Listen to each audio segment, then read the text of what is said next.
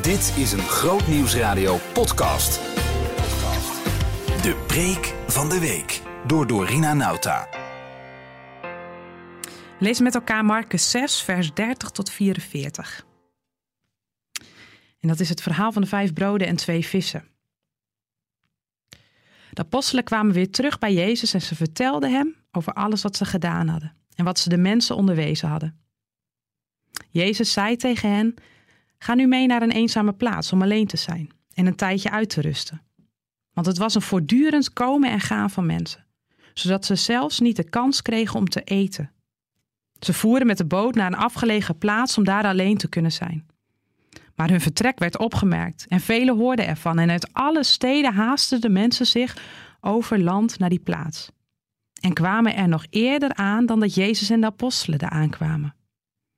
Toen hij uit de boot stapte, zag hij een grote menigte en hij voelde medelijden met hen, omdat ze leken op een schapen zonder herder.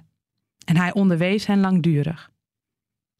Toen er al veel tijd was verstreken, kwamen zijn leerlingen naar hem toe en ze zeiden: Dit is een afgelegen plaats, het is al laat. Stuur hen weg, dan kunnen ze naar de dorpen en de gehuchten in de omtrek gaan om eten te kopen. Maar Jezus zei: Geef jullie hun maar te eten. En ze vroegen hem: Moeten wij dan voor 200 denari brood gaan kopen om hun eten te geven? En toen zei hij: Hoeveel broden hebben jullie bij je? Ga eens kijken. En nadat ze waren gaan kijken wat ze bij zich hadden, zeiden ze: Vijf broden en twee vissen. Hij zei tegen hen dat ze de mensen opdracht moesten geven om in groepen in het groene gras te gaan zitten. Ze gingen zitten in groepen van honderd en groepen van vijftig. En hij nam de vijf broden en de twee vissen. Hij keek omhoog naar de hemel en hij sprak het zegengebed uit. Hij brak de broden en hij gaf ze aan zijn leerlingen om ze aan de menigte uit te delen. Ook de twee vissen verdeelde hij onder hen, onder allen die er waren. En iedereen at en werd verzadigd. En ze haalden de overgebleven stukken brood op, waar wel twaalf manden mee konden worden gevuld. En ook wat er over was van de vissen. Vijfduizend mensen hadden van de broden gegeten.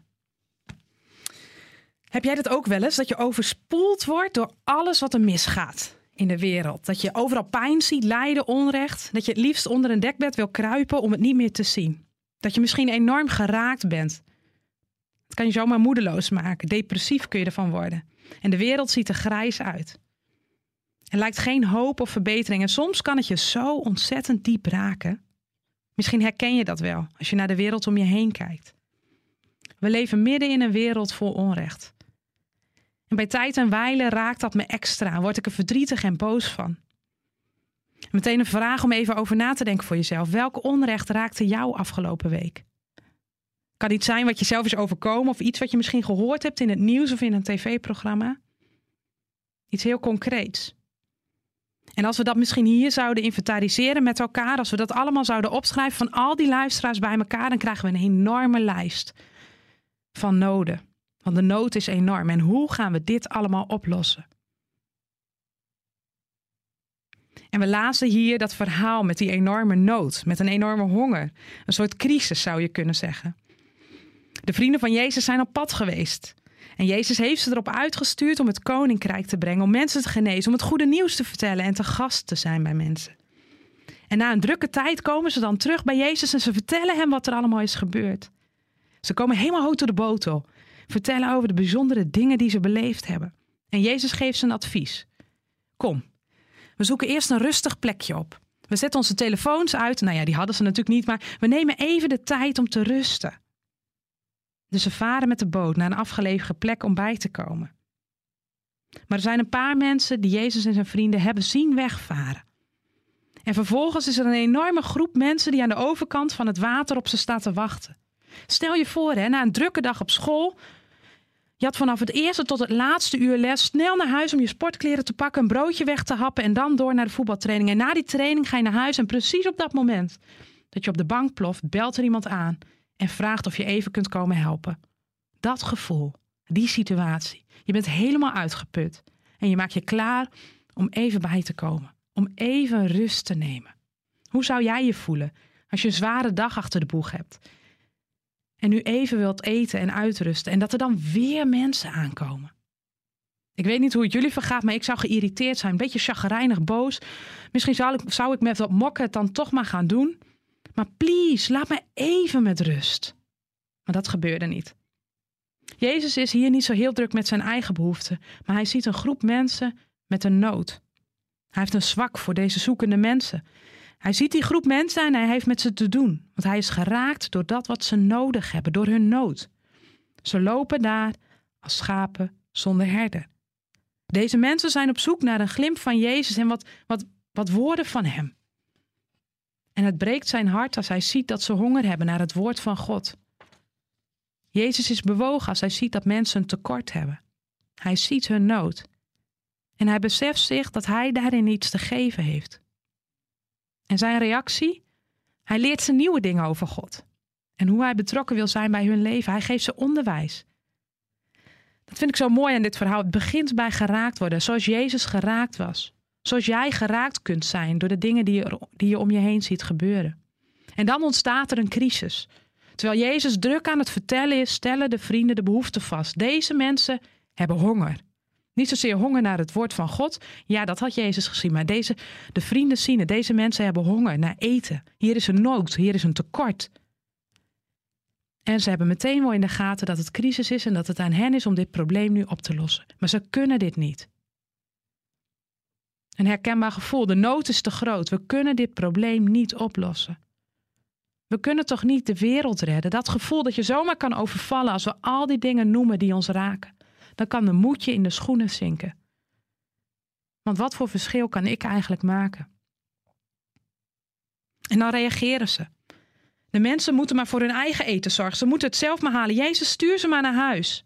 Maar Jezus komt met een idee uit onverwachte hoek. Geef jullie hen maar te eten, zegt hij. Als er honger in de wereld is, kijkt Jezus blijkbaar naar zijn vrienden. En ook vandaag de dag doet hij dat. Om de nood in de wereld op te lossen, moeten we leren delen met elkaar. En dan gaan we op zoek naar wat er nog beschikbaar is. Jezus daagt ze uit om te kijken naar de middelen die er ter plekke beschikbaar zijn. Wat is er voor handen? En ze kijken rond. En er wordt wat verzameld. Een broodtrommeltje vol. Vijf broden en twee vissen. En ik heb me altijd afgevraagd: zou er nou echt niemand meer zijn die nog iets bij zich had? We zullen het nooit weten, maar waren die mensen dan misschien te bang om het te delen in de trant van het helpt toch niets? En als ik het weggeef, heb ik zelf niets meer? De mensen moeten in het gras gaan zitten. En dan moeten de discipelen dan de broodjes en de visjes gaan uitdelen? Nee, ze brengen het eerst bij Jezus. En die spreekt een dankgebed uit. En dan vindt de vermenigvuldiging plaats. Mooi hè? Jezus zegt dus niet tegen de discipelen: Nou, deel maar uit. Nee, het moet eerst naar hem toe. Hij roept de Vader aan en dan gebeurt daar dat wonder. God vraagt niet van ons om het klusje te klaren. Hij vraagt vertrouwen. Hij vraagt geloof. Hij vraagt afhankelijkheid, zodat hij de klus kan klaren. Maar het verhaal is nog niet afgelopen. Jezus vraagt hen om het overgebleven eten op te halen. En dan blijven er twaalf manden over, jongens. Twaalf manden brood. Alsof Jezus wil laten zien aan zijn discipelen: voor iedereen is er één. Geloof mij. Jullie hadden er misschien twijfel over, maar er is echt genoeg. Bovendien, nu hebben de discipelen zelf ook wat te eten. Ze waren immers met Jezus naar de plaats gegaan om uit te rusten en wat te eten.